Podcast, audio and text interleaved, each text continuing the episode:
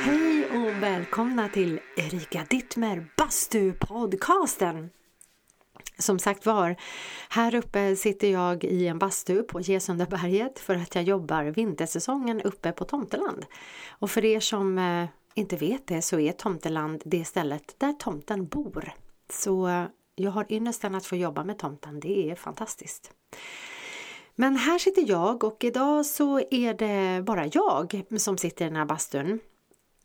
Men det är inte så bara förstås, men här sitter jag i alla fall i bastun och jag tänkte prata lite grann om någonting som har ehm, som jag har fått frågan om flera gånger och eh, ja, som jag själv tycker är väldigt intressant. Hur man kan använda sig av rösten för att få fram olika mm, sinnesstämningar och hur man kan använda rösten i att bygga en karaktär. Jag tror att alla angriper det här med skådespeleri och, och röst. Nu handlar det ju om skådespeleri då när jag säger bygga karaktär förstås. Men alla använder rösten på, på olika sätt och bygger karaktärer på olika sätt. Vissa börjar med en med en kanske mer mental del. Hur är den här personligheten? Är den si eller så? Andra börjar från ett mer fysiskt håll. Är det här en, en lätt person eller går den, den här karaktären långsamt eller snabbt eller hur rör man sig? Och ofta när man börjar fall, få sådana där bitar så brukar resten av bitarna också falla på plats. Och för mig handlar det där väldigt, väldigt mycket om hur det är en kombination för mig av fysikaliteten, det vill säga är det vad, vad för typ av kroppsspråk och, och personlighet i kroppen och rösten. De två för mig är de starkaste och snabbaste sätten för mig att, att sätta en karaktär. Sen är det ju fortfarande mycket arbete som tillkommer förstås, allt det psykologiska djupet och att veta var den här personen kommer ifrån och varför och så. Men det är för mig två startpunkter som är jätteviktiga. Och om jag då knyter an till de två karaktärerna som jag eh, spelar här uppe på Tomteland. De är väldigt olika varandra.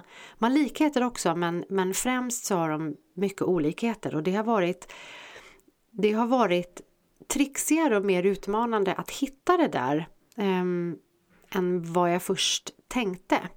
Men som den ena karaktären, hon är en vinterälva och eh, är en rekorderlig, rättfram typ men som som alltid gör rätt och vill göra rätt och är lite av en superhjälte på uppdrag, väldigt stolt över sitt uppdrag. Hon har fått ett uppdrag av vinterdrottningen som hon behöver lösa nere på Tomteland. Och hennes fysikalitet är att hon, hon är väldigt stram, hon står väldigt upprätt. Eh, hon har väldigt stela rörelser, ganska ryckiga. Så hon är nästan som en fågel. Så tänker jag mig henne, så att hon är väldigt lätt, eh, ja lätt, men ändå stram. Ehm, Medan häxan, som är den andra karaktären som jag spelar, hon är hon är fortfarande ganska hoppig. Hon står aldrig still eller sitter ner. Hon är absolut inte eh, långsam i sina rörelser men hon är tyngre. Så att hon, hon, är, hon är lite mer jordnära, lite mer säckig i sin kroppshållning och, eh, och så. Och det intressanta med det där var ju, som jag märkte när vi hade börjat köra vintersäsongen är att det påverkar andningen och även då såklart rösten något enormt. De dagar jag spelar Gnistra, det vill säga Vinterälvan som är mer lätt, mer flyktig, mer stram, mer hållen så märker jag att min andning vill väldigt gärna också bli lätt, flyktig, stram, lite hållen. Det vill säga att jag håller magen, inte tillåter andningen att komma ner ordentligt, inte grunda mig. Och de dagar jag spelar häxan så är det precis motsatt. Att där så tillåter jag instinktivt med hennes fysikalitet så, så tillåter jag rösten och andningen att få komma ner.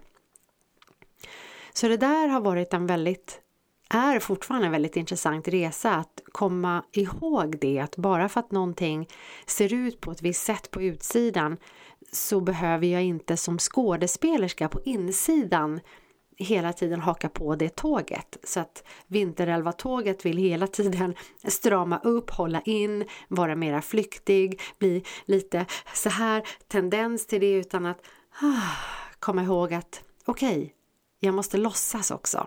För det är en karaktär och det är det som är skådespeleri, att det är faktiskt på låtsas. Så det var dagens funderingar och tankar. I nästa avsnitt då har vi äran att eh, vara två i den här fantastiskt lilla bastun.